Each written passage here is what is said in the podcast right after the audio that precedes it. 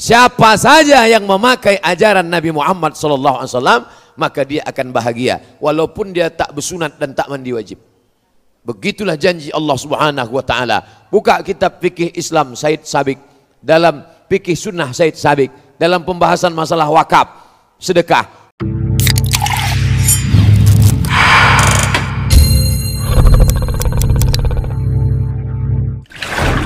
Doa masuk masjid Allahumma aftah li abwaba rahmatik. Ya Allah bukakan untukku pintu-pintu rahmatmu. Terbukalah pintu-pintu rahmat. Biasanya saya masuk masjid, pintu masjid itu paling banyak tiga. Satu di kiri, satu di kanan, satu di belakang. Tapi ini pintu aja keliling. Mana pun pintu yang mau kita masuk doanya sama. Allah maftah li abwaba rahmatik. Allah maftah li abwaba rahmatik. Allah maftah li abwaba rahmatik. Tapi selesai salat lain doanya apa doanya? Allahumma inni as'aluka min fadlik. Aku minta rezekimu. Kenapa waktu masuk ke dalam minta rahmat? Karena kita berkata Rabbil firli warhamni. Aku ni banyak dosa aku ni banyak silap aku ni banyak salah rahmati aku. Tapi ketika keluar dari masjid yang diminta adalah bukakan pintu-pintu rezekiku karena begitu keluar orang langsung menuju usaha rezekinya. Dia ada toko jaganya tokonya. Dia ada ruko dijaganya rukonya. Dia ada kebun pergi dia ke kebun. Dia ada tambak pergi dia ke tambak. Dan saya dapat pesan dari kawan saya nanti Ustadz Somad kalau mau makan udang pergilah tempat Ustadz Sopian Saha. Artinya apa yang bisa kita lakukan kita laksanakan. Sekarang ada anak-anak dari Fakultas Pertanian dan Peternakan bercerita masalah membuat kolam ikan, bercerita masalah membuat tambak. Tapi bak kata seorang profesor, tak saya sebut namanya, apa kata dia? Banyak orang sekarang membuat tambak di atas kertas. Sarjana, hebat, ukuran tambak ideal sekian meter kali sekian dalamnya sekian hebat dia. Tapi kalau ditanya mana tambak kau? Ada pak. Di mana? Nih makalah. Membuat tambak di atas kertas. Tak bisa. Fakultas pertanian hebat. Cara menanam semangka yang baik. Gemburkan tanahnya masukkan bijinya. Setelah itu dia pun bertunas. Disiram dengan ini dipakaikan ini. Nanti akan sebesar ini. Pernah kau coba tanam? Enggak oleh sebab itu maka ini ilmu-ilmu terapan semua. Makanya masalah korma ketika Nabi menengok ada orang yang melakukan pembuahan korma, apa kata Nabi? Antum a'lam bi umuri dunyakum. Kalian lebih mengerti masalah urusan dunia, bercocok tanam, bertani dan berkebun. Silakan kalian berkreasi, silakan kalian berimajinasi, silakan kalian berinovasi dalam masalah peternian, peternakan. Yang punya ibadah kambing kita. Lahir anak akikah kambing. Anak bersunat potong kambing. Apa pula bersunat potong kambing? Anak menikah potong kambing. Hari raya haji potong kambing. Tapi yang beternak kambing siapa? Australia. Akhirnya kita pun mengimpor kambing. Sudahlah celana sobek kita impor dari dia, kambing pun kita impor juga dari dia. Bayangkanlah itu. Gandum yang punya kebun gandum paling luas siapa sekarang? Amerika. Sampai-sampai menyiram gandum itu pun pakai helikopter. Bayangkan itu, saking luasnya tanaman gandum. Padahal yang menyuruh bercocok tanam itu Allah Ta'ala. Tapi Alhamdulillah di Binjai ini nampaknya orang memang hobi bercocok tanam. Sampai di dalam masjid pun bertanam dia. Hebat. Usahlah Ustaz ajari kami masalah bercocok tanam. Ada pokok tak berbuah ada pula buah tak berpokok. Ada semua di sini. Bapak Ibu yang dimuliakan Allah Subhanahu wa taala. Oleh sebab itu dalam Quran banyak sekali bercerita tentang tanam-tanaman. Cerita tentang iman. Contohnya tanaman. Kasajaratin tayyibatin. Seperti pokok yang baik. Bagaimana pokok yang baik? akarnya menghunjam ke dalam tanah wa far'uha fis sama pucuknya naik ke atas cerita tentang apa tentang iman cerita tentang iman tapi isinya tanam-tanaman cerita tentang sodakoh. Tanam-tanaman. Bagaimana kalau kami bersodakoh? Pahalanya banyak. Banyaknya macam mana? Kama sali habbah satu biji. Ambatat sab'a sanabil. Tumbuh tujuh bulir tujuh cabang. Wa fi kulli sumbulatin mi'atu habbah. Dalam satu bulir ada seratus. Satu tumbuh tujuh berisi seratus. Tumbuh satu tumbuh tujuh tumbuh seratus. Kali satu kali tujuh kali seratus. Tujuh ratus. Wallahu yudha'ifu liman yasha' Allah maha kuasa melipat gandakan lebih banyak daripada itu. Wallahu wasi'un alim. Allah itu maha luas karunianya. Maka yang hobi bercocok tanam tanamlah. Tanam sawit tanam karet tanam getah tanam jagung tanam segala tanam-tanaman. Saya tak ada bakat bercocok tanam Pak Ustaz. Saya tak mau berkubang dengan tanah taik kambing, taik sapi, pupuk urea pupuk macam-macam. Saya maunya yang bersih menjaga toko maka selesai solat fa idza qudiyatis salah kalau solat sudah dilaksanakan fantashiru fil ar bertebaranlah kalian di atas muka bumi Allah. Wabtaghu min fadlillah carilah karunia Allah subhanahu wa ta'ala.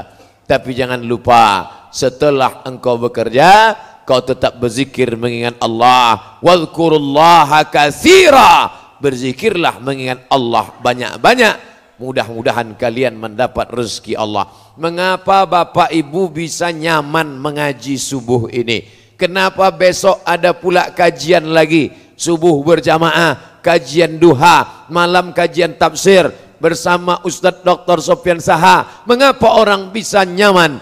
Karena ada yang dimakan. Berapa banyak saudara-saudara kita pagi langsunglah dia bekerja mencari barang-barang bekas, mencari makan makanan bekas. Kenapa? Karena tak ada yang bisa untuk dimakan siang nanti mesti dia mengais pagi ini. Oleh sebab itu kada al faqru hampir saja fakir hampir saja miskin. Ayyakuna kufran. Menjadi kafir. Antara fakir dengan kafir. Tipis kafir fakir.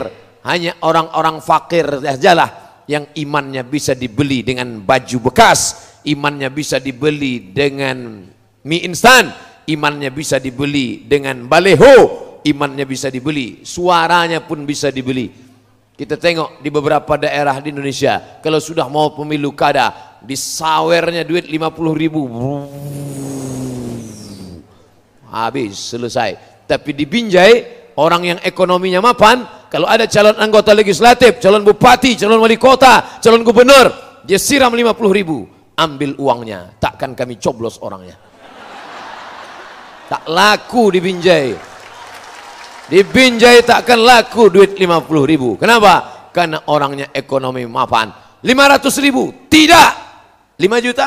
Istiqoroh kami dulu. Bapak Ibu yang dimuliakan Allah? Subhanahu wa ta'ala oh hebatnya ekonomi. Oleh sebab itu ekonomi ini harus dibangkitkan kembali. Ternyata yang mengundang saya para entrepreneur-entrepreneur usahawan-usahawan muda. Tadi malam pas sedang makan, tiba-tiba saya lihat ada macam sate. Mau saya tanya, tentu kita malu. Saya tak mau nanya. Saya tengok aja. Oh, kalau tanya kan nampak bodoh kita. Apa? Kan tidak pula kita tanya, apa ini? Dia? Tengok, oh sate kerang rupanya. Siapa yang punya? Ini usaha kita Pak Ustadz. Jadi kalau selama ini orang bawa bolu, selama ini orang bawa makanan manis-manis, sudah banyak yang kenyak kencing manis, diabetes meletus. Maka kami sediakan, nih kerang, sampai dibawa ke Bandung, ke Jakarta. Berapa lama tahannya? 10 jam. Jadi kalau mau pergi ke Jakarta, ke Bandung, ah, bawalah kerang, sate kerang tadi. 10 jam. Asal nampak delay lewat, ah, makanlah. Kok tidak busuk dia, habis. Nah, ini entrepreneur-entrepreneur. Ustadz, kalau kami yang ngundang, insya Allah semuanya halal. Karena kami hanya menempatkan ustadz-ustadz yang kami undang di tempat yang halal. Begitu saya duduk, langsunglah datang sup. Tak juga saya tanya, saya tengok aja. Belendir saya tengok. Ini maulah sok bekicot nampaknya. Dikasih tahu sama yang yang melayani itu. Ini Pak, ini namanya sup asparagus katanya. Tak pula saya tanya apa asparagus itu? Asparagus kata dia, asparagus kata Pak kan? saya makanlah. Hmm, cuman rasanya Pak? Susah diungkapkan dengan kata-kata. Macam mingus. Belum Tapi sedap. Mantap. Jagung dicampur sama asparagus. Biasanya yang melayani itu kan perempuan. Awak ustad, pakai peci, pakai koko, pakai sorban, duduk di rumah makan. Yang melayani anak gadis pakai rok pendek. Oh pun tak kusuk makan. Ah, sama. Tapi di hotel tempat saya menginap sekarang, pelayannya laki-laki. Cap lonceng semua. Masya Allah. Masuk ke dalam kamar, Biasanya di kamar itu lukisan-lukisan, lukisan orang, pakaian tak sopan. Begitu masuk ke dalam tertulis di atas kamar Allah Muhammad. Saya tengok pula di sudut ada Al-Quran. Saya pernah menginap di salah satu hotel. Saya buka lacinya. Perjanjian lama dan perjanjian baru. Saya buka Matius, Markus, Lukas, Yohanes, Paulus. Tak bisa kita salahkan. Tak bisa kita marah. Kenapa kau letakkan di sini? Eh, ini hotel punya aku. Ini kitab punya aku. Kau mau tinggal sini, tak mau pergi sana cari lain. Tapi tempat saya menginap, saya tengok Al-Quran. Masya Allah, ada pula sajadahnya. Saya sampai di Jakarta, masuk di hotel. Begitu sampai ke dalam, tak tahu mana arah kiblat. Akhirnya paksa bertanya sama abang kita, abang Gogel. Ada yang menyebut mbah. Dia belum tua. Kalian panggil mbah. Buka Google, Google, di mana arah kiblat ini? Enter, ditunjukkannya. Sana kata dia, sana kata dia, sana. Kami pun sholat lah. Allahu Akbar. Selesai sholat, pas sholat asar kami tadi ke sana kata dia. Jadi Google ini pun tak juga bisa kita percaya. Tapi di tempat saya menginap sekarang langsung tertulis arah kiblat. Ini siapa yang punya ini? Ini entrepreneur, entrepreneur, businessman, businessman muslim kita. Makanya saya bangga yang menyambut ini anak-anak muda. Masya Allah, mereka ini yang akan membangkit ekonomi umat di masa akan datang. Allahu Akbar. Dari mana Ustaz tahu ini anak-anak muda? Dari bunyi teriakan Allah Akbarnya. Makanya tadi berapa kali dipancing. Allah Akbar. Kalau orang tua mana gitu? Allah Akbar. Allah Akbar. Menggeletar tangannya. Allah. Tapi anak-anak muda ini luar biasa. Selama saya berceramah, rasanya baru inilah kamera paling banyak. Satu, dua, tiga, empat, lima, enam, tujuh, delapan, sembilan, sepuluh, sebelas. Allah sampai sebelas kamera. Tapi nampaknya yang hidup tiga aja.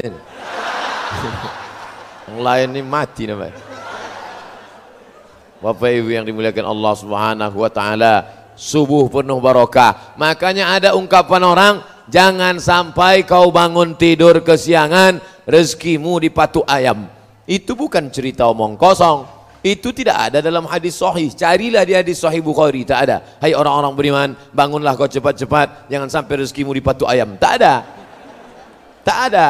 Tapi itu diamalkan orang Cina maka saya menjadi dewan juri tanggal 12 bulan 12 2012 tanggal cantik.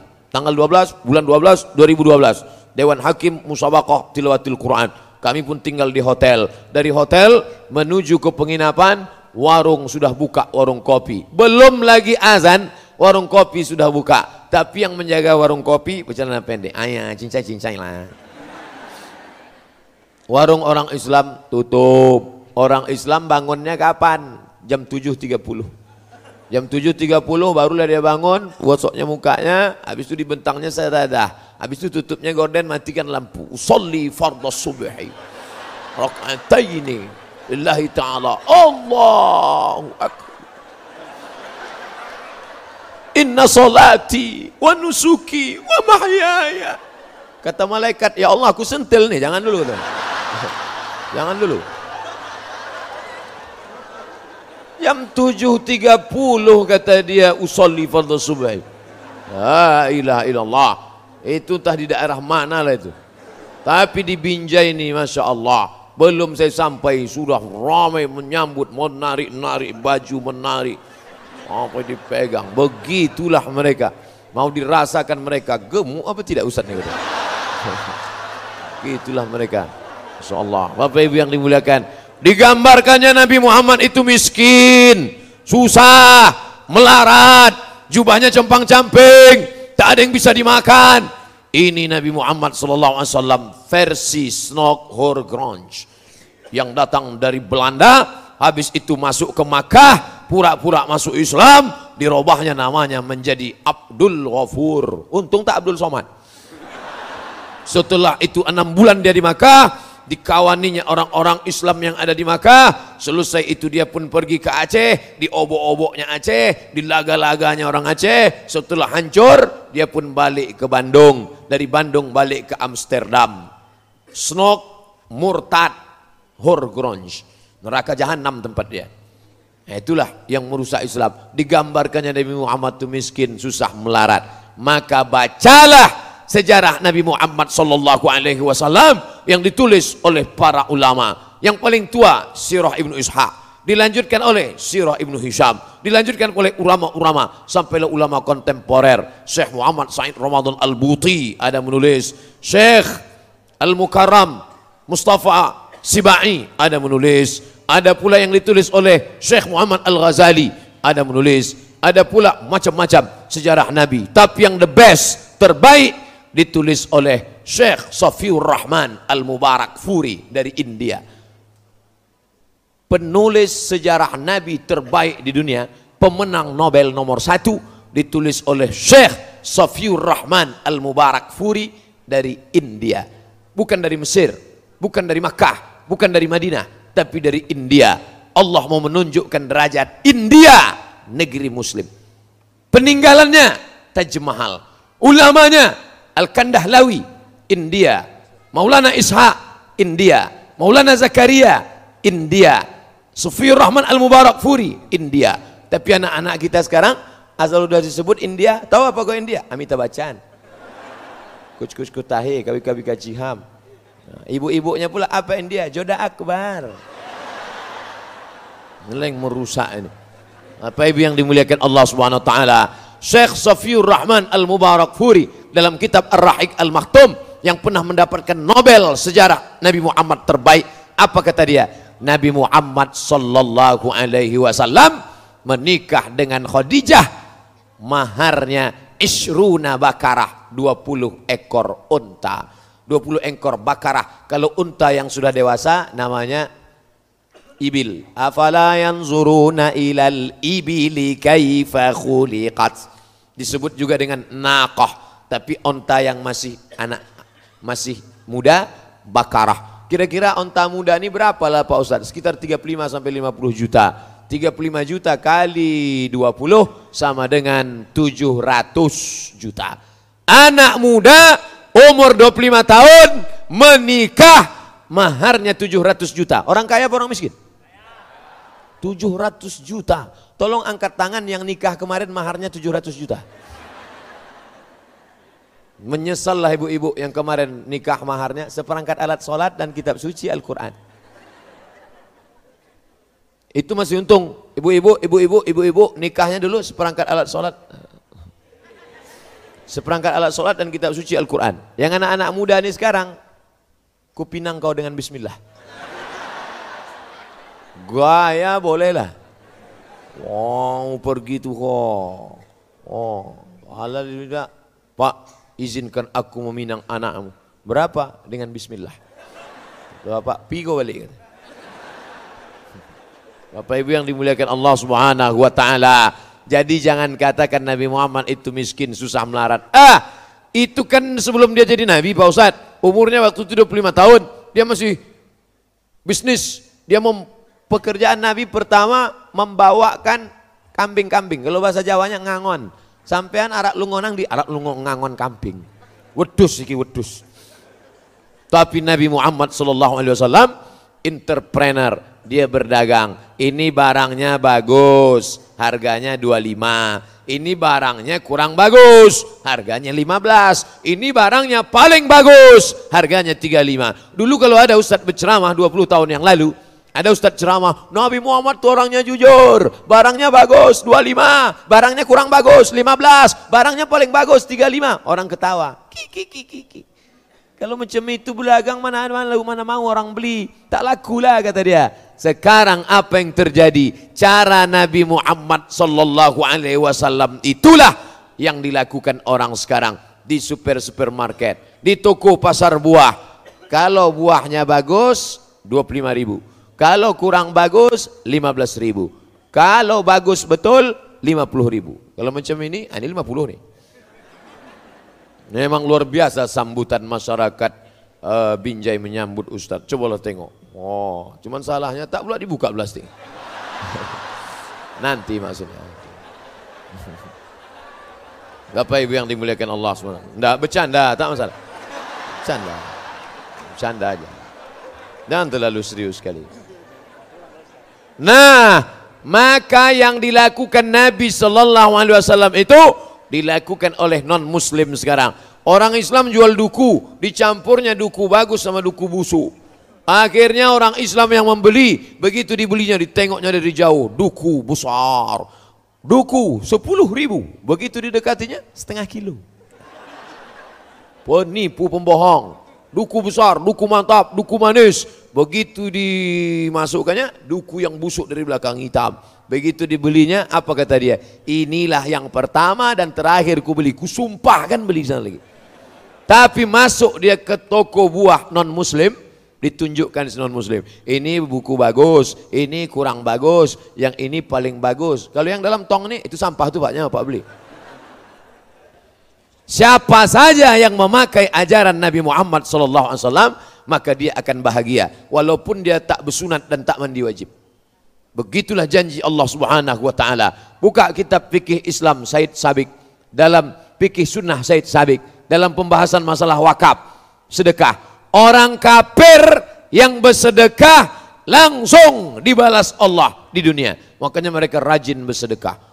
Dicarinya panti asuhan panti asuhan bersedekah. Kenapa? Kok kenapa rajin bersedekah? Hanya hoki lah. Setelah bersedekah saya rezeki saya makin lancar. Ustadz, Ustadz, ya kenapa orang kafir kalau bersedekah di dunia ini langsung dibalas Allah cash? Allah balas di dunia langsung cash supaya di akhirat tinggal masuk neraka. Begitulah. Eh kejam sekali Ustadz ini. Kasihanlah dia Pak Ustadz. Kalau engkau kasihan menengok dia, orangnya sudah baik, banyak anak yatim ditolongnya, banyak panti jompo panti asuhan dibantunya, kasihan nengok dia. Maka panggil dia, hai saudaraku. Ya, Maukah engkau kuselamatkan dari neraka jahanam? Mau. Bagaimana caranya? Kau sebutkan passwordnya. Ashadu an la ilaha illallah. Wa ashadu anna muhammadan Rasulullah. Masalah gunting pita, jangan kau takut. Tak sakit. Nanti takut-takut. Nanti takut-takuti. Ini ustad-ustad ini ceramah, menggelegar mimbar. Ada yang mau masuk Islam, parkirnya mobilnya di parkir, dibukanya kaca kecil-kecil, dia mau dengar ceramah Ustaz. Ustaz pula menggelegar di atas mimbar. Yang pertama kali berkhitan, Nabi Ibrahim, umur 80 tahun. Disunat pakai kampak. Dengar kampak takutlah dia. Coba kalau yang ceramah itu Ustaz Sofian Saha, suaranya lembut tenang. Ustadz kok tahu? Saya mendengar ceramah beliau di masjid terbaik 2015 Rokan Hulu, Masjid Islamic Center Pasir Pangarayan. Beliau yang ceramah. Saya tengok gayanya tenang. Rupanya kalau kita dokter tuh tenang berceramah. Gitu. Ini kenapa tak tentu arah LCMA? Lagi cemas menghadapi anak-anak muda. Wah. Bapak Ibu yang dimuliakan Allah Subhanahu wa taala, ini dia tulisannya sedekah bareng. Coba tengok. Oh, nampak? Sedekah barang. Berbagi harta, berbagi cinta. Kenapa mereka bisa berbagi harta? Karena mereka punya harta yang terbaik. Ya Rasulullah, ya ummi matat, emakku mati. Apa atas sadaku anha? Kalau emakku mati meninggal dunia, boleh aku bersedekah? Kalau aku bersedekah, pahalanya sampai apa tidak? Tasadak, bersedekahlah engkau. Apa sedekah yang paling abdal ya Rasulullah? Sakyul ma, memberi air minum. Sedekah yang paling abdal memberi air minum. Makanya dikasih air minum sampai tiga botol. Dan sedekah yang sudah dikasih tak boleh ditolak. Maka kita terima. Bismillahirrahmanirrahim.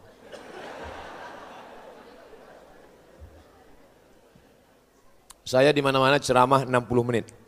Sesuai yang tertulis di botol 600 ml. Asal habis 60 menit, stop. Tapi rupanya cerita itu sudah bocor ke Binjai. Akhirnya mereka pasang tiga botol. Maulah tiga jam nih baru selesai. Gitulah hebat. Kenapa tidak bermerek? Ini kan jadi masalahnya. Kenapa tidak bermerek? Karena yang punya merek kafir. Ustadz ini ustadz provokator ini, provokatif ini. Kenapa ustadz bilang kafir, kafir, kafir? Tak boleh pakai kata kafir Pak Ustadz. Kalau tak boleh pakai kata kafir, gimana kita baca ayat? Qul ya ayyuhal non muslim.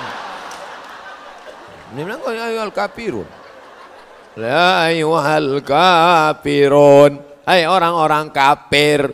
La a'budu ma ta'budun. Wala antum abiduna ma'abud. Wala ana abidu ma'abadtum. Wala antum abiduna ma'abud. Lakum dinukum. Waliyadin. Kenapa tidak umat Islam yang paling banyak minum air yang menceritakan manusia diciptakan dari air yang menceritakan kula syai'in yang diciptakan daripada air yang diceritakan sedekah paling afdol adalah air. Utsman bin Affan bersedekah wakaf sumur air. Kenapa tidak memproduksi air mineral air bersih padahal yang punya air kita yang mengalirkan air kita dan yang buang air pun kita tapi kenapa kita tidak memproduksi air? Pertanyaan besar umat Islam. Maka di masa akan datang yang sudah kuliah Fakultas Ekonomi, silakan. Kau sekolah di mana? Saya ngambil ekonomi Pak Ustadz. Fakultas apa? Fakultas Ekonomi. Detailnya apa? SEAK, Sarjana Ekonomi Akuntansi. Lanjutkan. Ini sekarang umat Islam ini sekuler, liberal. Kalau belajar hadis masuk surga, belajar fikih masuk surga, belajar tafsir masuk surga, belajar ekonomi masuk neraka. Belajar bahasa Inggris masuk neraka. Ini orang konservatif tak tentu arah. Islam ini mengajarkan kita semua ilmu datang dari Allah. Inna fi khalqis samawati dalam penciptaan langit wal ardi penciptaan bumi. Waqtilafil laili wan nahar perputaran siang dan malam la ayat, ayat, ayat, ayat, ayat. Ustadz Somad, ya saya sekarang fakultas ekonomi Pak Ustadz, rencana mau ngambil S2 ekonomi, saya lanjutkan apa berhenti? Lanjutkan! Untuk apa Pak Ustadz? Engkaulah yang akan membangkitkan ekonomi umat di masa akan datang. Ini banyak anak-anak muda ini, setelah dia hijrah, bawaannya mau mati aja. Kau rencana S2 mau ke mana? Saya tak jadi S2 Pak Ustadz, mau mati aja. Dunia ini mesti kau tatap ke depan. Kalian yang kuliah, lanjutkan S2, S3, postdoktoral, menulis, tulis buku. Menulislah supaya orang di masa akan datang tahu bahwa kau pernah hidup di masa lalu. Imam Syafi'i kita tak tahu anaknya berapa, nama bininya siapa, rumahnya di mana, tak tahu kita. Tapi sampai hari ini kitabnya dibaca.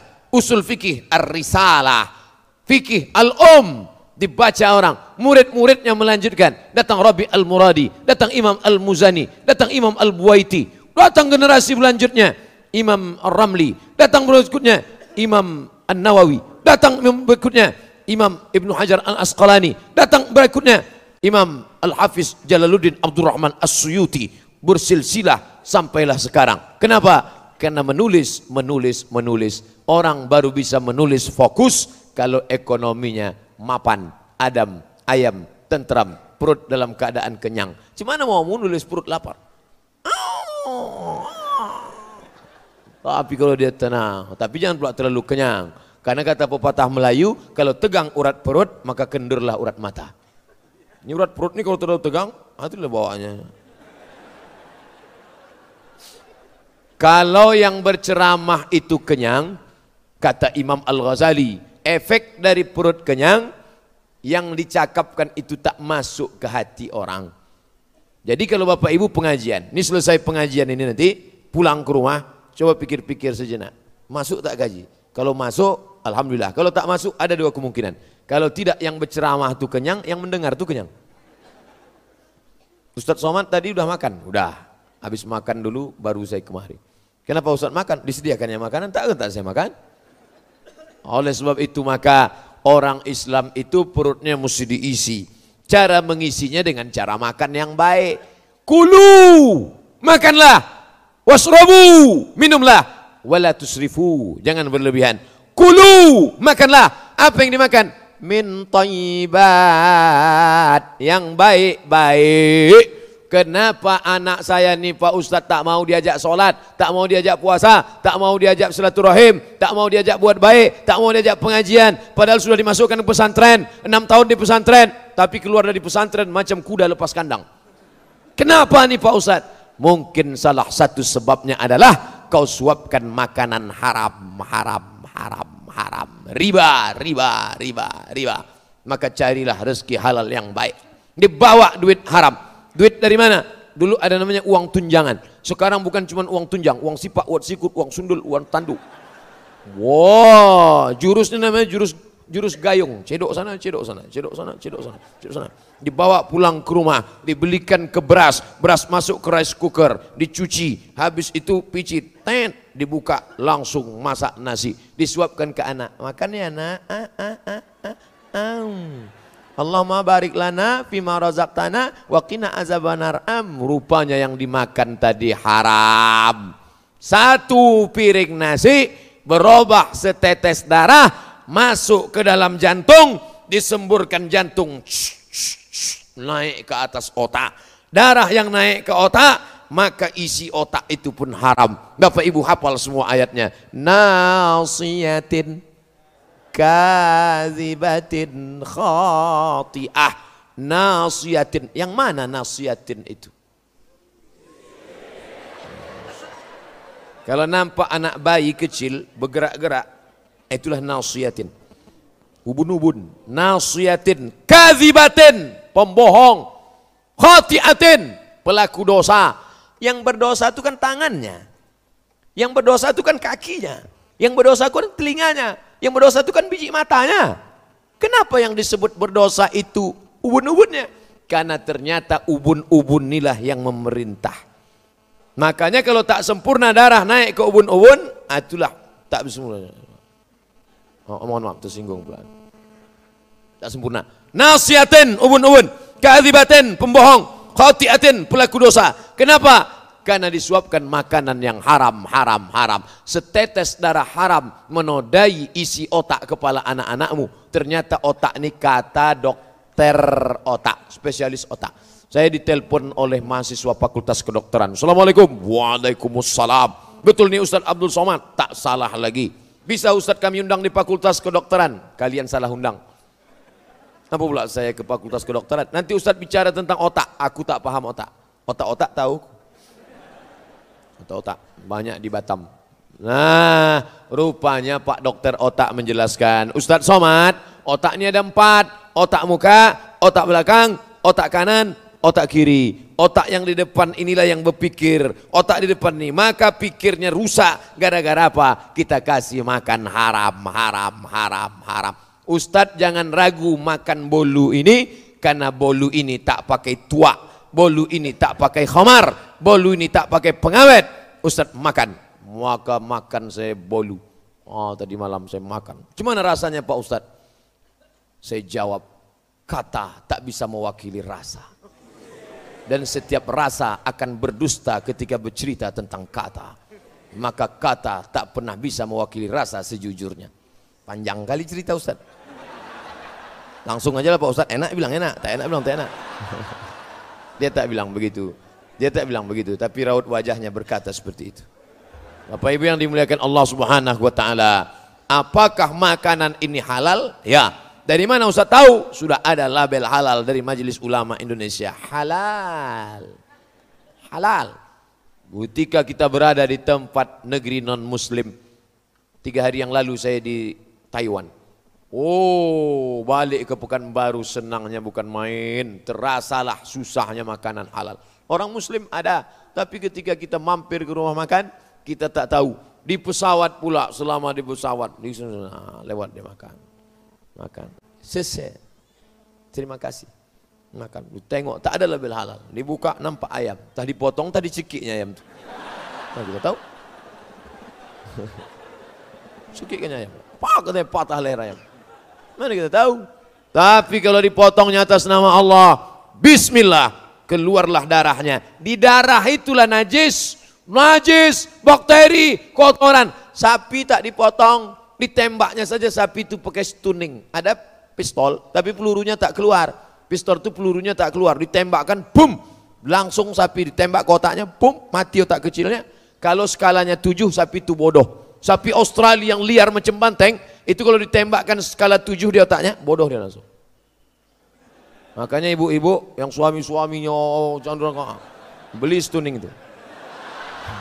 Pas dia sedang tidur, pas sedang tidur malam, ah tembakkan. Apa? Esok pagi itu bodoh dia. Bang, bang, bang, bang. Aku mau pergi nih. Abang masak sarapan, jaga anak ngepel ya. Iyalah. Gitu. Kalau ada di antara bapak-bapak ini yang macam itu, ah, itu udah kena stunning itu.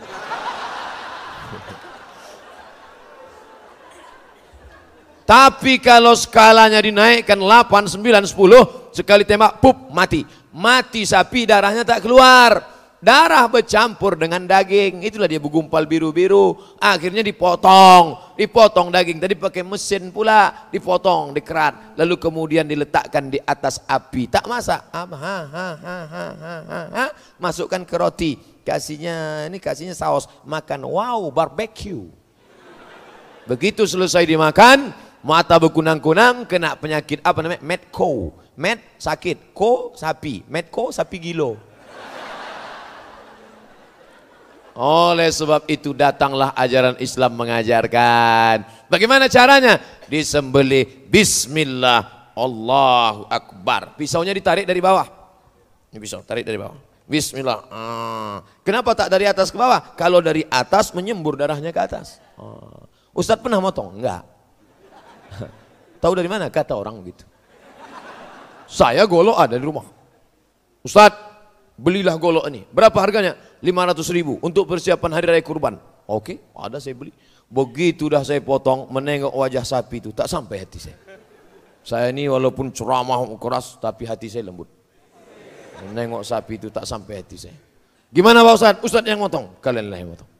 Nah, kalian yang potong. Tapi kalau udah masak, tak pula sampai hati kita meninggalkan ya kan? Itu pula dia. Bapak Ibu yang dimuliakan Allah Subhanahu wa taala. Suatu ketika datanglah orang menelpon saya. Assalamualaikum. Waalaikumsalam. Suaranya tersengal-sengal seperti orang habis berlari. Assalamualaikum Pak Ustaz. Assalamualaikum Pak Ustaz. Waalaikumsalam. Ini ada kambing ditabrak mobil Pak Ustaz. Terus gimana? Uh, mau kami sembelih? Boleh Pak Ustaz. Eh langsung sembelih, langsung sembelih. Takutnya mati nanti ya lah. Disembelih. Selesai sembelih, mati kayak. Lupa saya nanya, kambing siapa? Ha. Cara motongnya sudah benar, cuma punya siapa?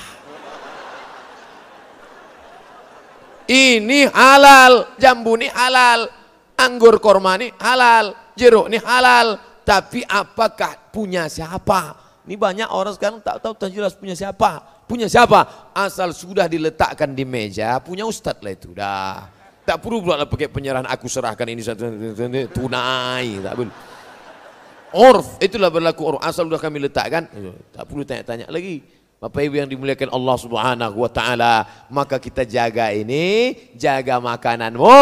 Kau jaga makananmu, takun mujabud dakwah. Kau jaga makananmu, doamu akan makbul. Ah, makanan yang halal mempengaruhi doa. Allahumma dina fi man hadait. Amin. Wa'afina fi man afaid. Amin. Kata Nabi SAW, Rajulun, ada orang, as-as, rambutnya kusut. Akbar, berdebu. Kenapa rambutnya kusut dan berdebu? Tak mandi-mandi. Kenapa dia tak mandi? Takut kalau dia mandi rambutnya gugur, bayar dam. Dia sedang dalam keadaan ihram, musafir, perjalanan panjang. Ya muddu ada gila sawah, diangkatnya tangannya ke angin. Ya Allah, ya ya Allah, ya Allah. Tapi doanya tak dikabulkan Allah. Kenapa? Mata'amuhu haram.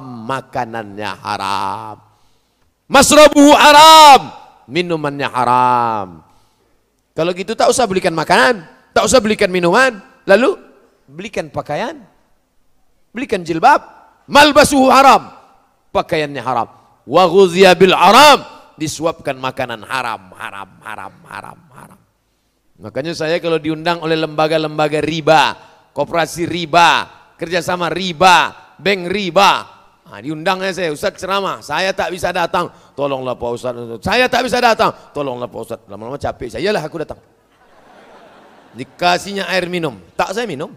Riba, gimana saya minum? Ustaz tak minum, tidak. Dikasihnya kue, tak saya makan. Dikasihnya duit, saya bawa. duit itu saya kumpul banyak-banyak.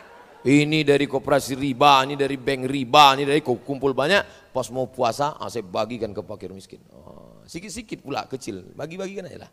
Tapi kalau banyak, ah itu tak susah. ini Pak Ustaz banyak, ini tak riba Pak Ustaz.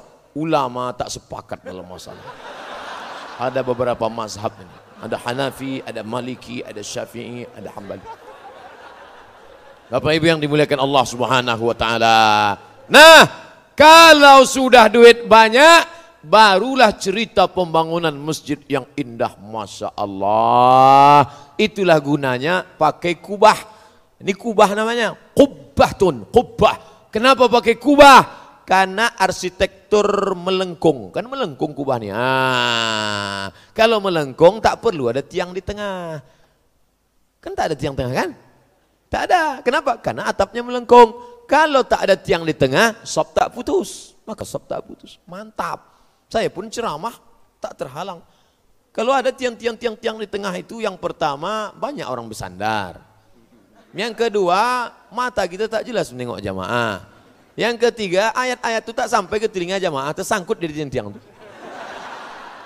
Tapi ya, Siapa yang membangun masjid ini? Siapa yang mewakafkan tanahnya? Siapa yang mewakafkan batu, semen, kosen? Siapa yang mewakafkan? Ini orang-orang kaya, luar biasa, wakaf-wakaf. Nih, ada pula gambar saya di belakang.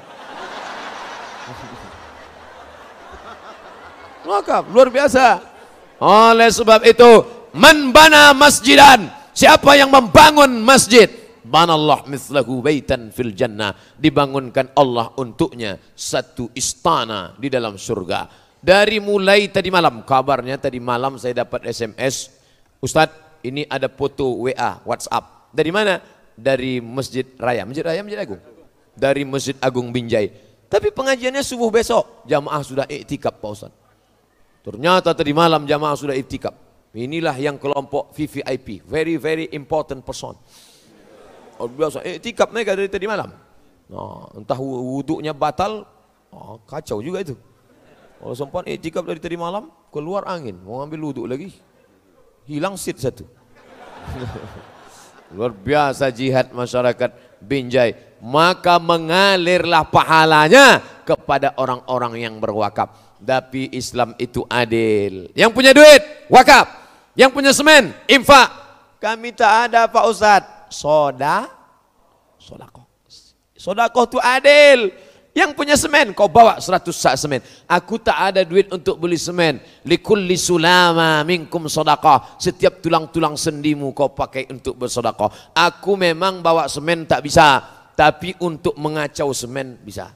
Ah, maka diambilnya semen, batu, kerikil, dikacaunya lah semua. Ah, dah, dia pun ikutlah ngecor sampai lecet-lecet tangannya, sampai luka. Maka dia ikut pahala. Kau pilih dua dalam membangun masjid. Pertama, kau ikut ngasih duit, tak bisa kau berikan tenaga. Jangan ya kau jadi orang yang ketiga. Ini ada orang ketiga, ngasih semen tak mau, ikut gotong royong tak mau, setelah masjid selesai baru dia tegak. Ini nampaknya miring jangan. Ini kalau ada orang model begini, ngasih semen tidak, ngasih batu tidak, nyumbang tidak, gotong royong tak mau, nyumbang pikiran tak mau. Udah selesai baru ambilkan kepala, antukkan ke tindiang. Ah. Biar agak lurus ampernya itu sedikit. Oh, lurus. Pak Ibu yang dimuliakan Allah Subhanahu wa taala. Jadi bercerita masalah ibadah. Cobalah tengok satu-satu ibadah. Syahadat. Asyhadu an la ilaha illallah wa asyhadu anna Muhammad Rasulullah. Siapa yang bisa bersyahadat? Orang yang sehat, orang yang fisiknya, ekonominya mapan, itulah yang masuk Islam. Orang-orang barat itu banyak masuk Islam. Kenapa? Makannya cukup, tempatnya cukup, orang susah tak sempat berpikir tentang akidah. Perut, makan, makan, perut. Yang kedua, sholat. Siapa yang bisa sholat? Orang yang menutup aurat. Baina surati wa antara pusat ke lutut. Siapa yang bisa menutup pusat dan lutut? Orang yang mampu. Puasa. Siapa yang bisa makan sahur? Siapa yang bisa berbuka? Orang yang punya makanan. Haji. transportasi, akomodasi, konsumsi. Naik pesawat, hotel, makan minum selama di sana, anak istri yang ditinggalkan. Sekarang ONH biasa, saya tak tahu Binjai. Kalau Pekanbaru, store 2017 berangkat 2031. Kenduri tiap tahun. Tiap tahun kenduri. Saya datang ke rumah ya, apa kenduri haji. Kapan Bapak berangkat? 2031. Eh, lama lagi itu Pak. Biar cepat kita dorong dengan doanya. Begitu 2030 datang malaikat maut. Mati. Yang mau cepat siapa? Duit lagi. Kau kapan berangkat? Tahun depan. Store kapan? Tahun ini. Oh, kok cepat sekali? ONH fulus. Berapa dia? 1000 dolar. Satu dolar 1300 kali 1000 130 juta. Bisa dia berangkat. Orang yang hatinya bersih, menengok kawan rezeki lancar, ikut senang. Mau ke mana bro? Mau pergi haji. Senang store ONH ya? Iya. Berangkat haji? Iya. Siapa yang berangkat? Aku. Binimu ikut? Tidak. Alhamdulillah. Kalau sempat disebutnya aku berangkat, biniku berangkat, anakku berangkat, mertuaku berangkat, naik pesawat, NH plus. Mati kontan. Busuk hati. Makanya makan bersih, hati bersih, muka sudah bersih, tangan sudah bersih, mata sudah bersih, tapi hati belum bersih. Maka pengaruh makanan luar biasa. Makanya tak boleh makan babi. Kenapa tak boleh makan babi? Karena makanan berpengaruh pada perbuatan. Kalau bapak ibu tengok ada orang yang seruduk aja, wah itu babi makannya. Memang tidak daging itu dimakannya, tapi paling tidak makanan-makanan olahan-olahan. Roti pakai kuas, kuasnya apa? Bulu babi.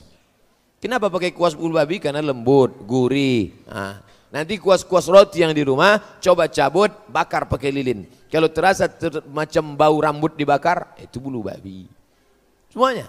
Merokok, pakai filter. Filternya apa? Hemoglobin darah merah babi. Makanya ketika muncul isu hemoglobin filter dari darah merah babi, yang pertama unjuk rasa di Amerika adalah Zeus. Siapa itu? Yahudi. Orang Yahudi tak makan babi. Yahudi tidak makan babi. Haram bagi mereka babi. Maka mereka unjuk rasa. Kami tidak mau kalau filter rokok diambil dari hemoglobin darah merah babi. Karena kami tak mau makan babi tak langsung. Orang Islam tak ada unjuk rasa. Santai aja. Mau babi-babi lah.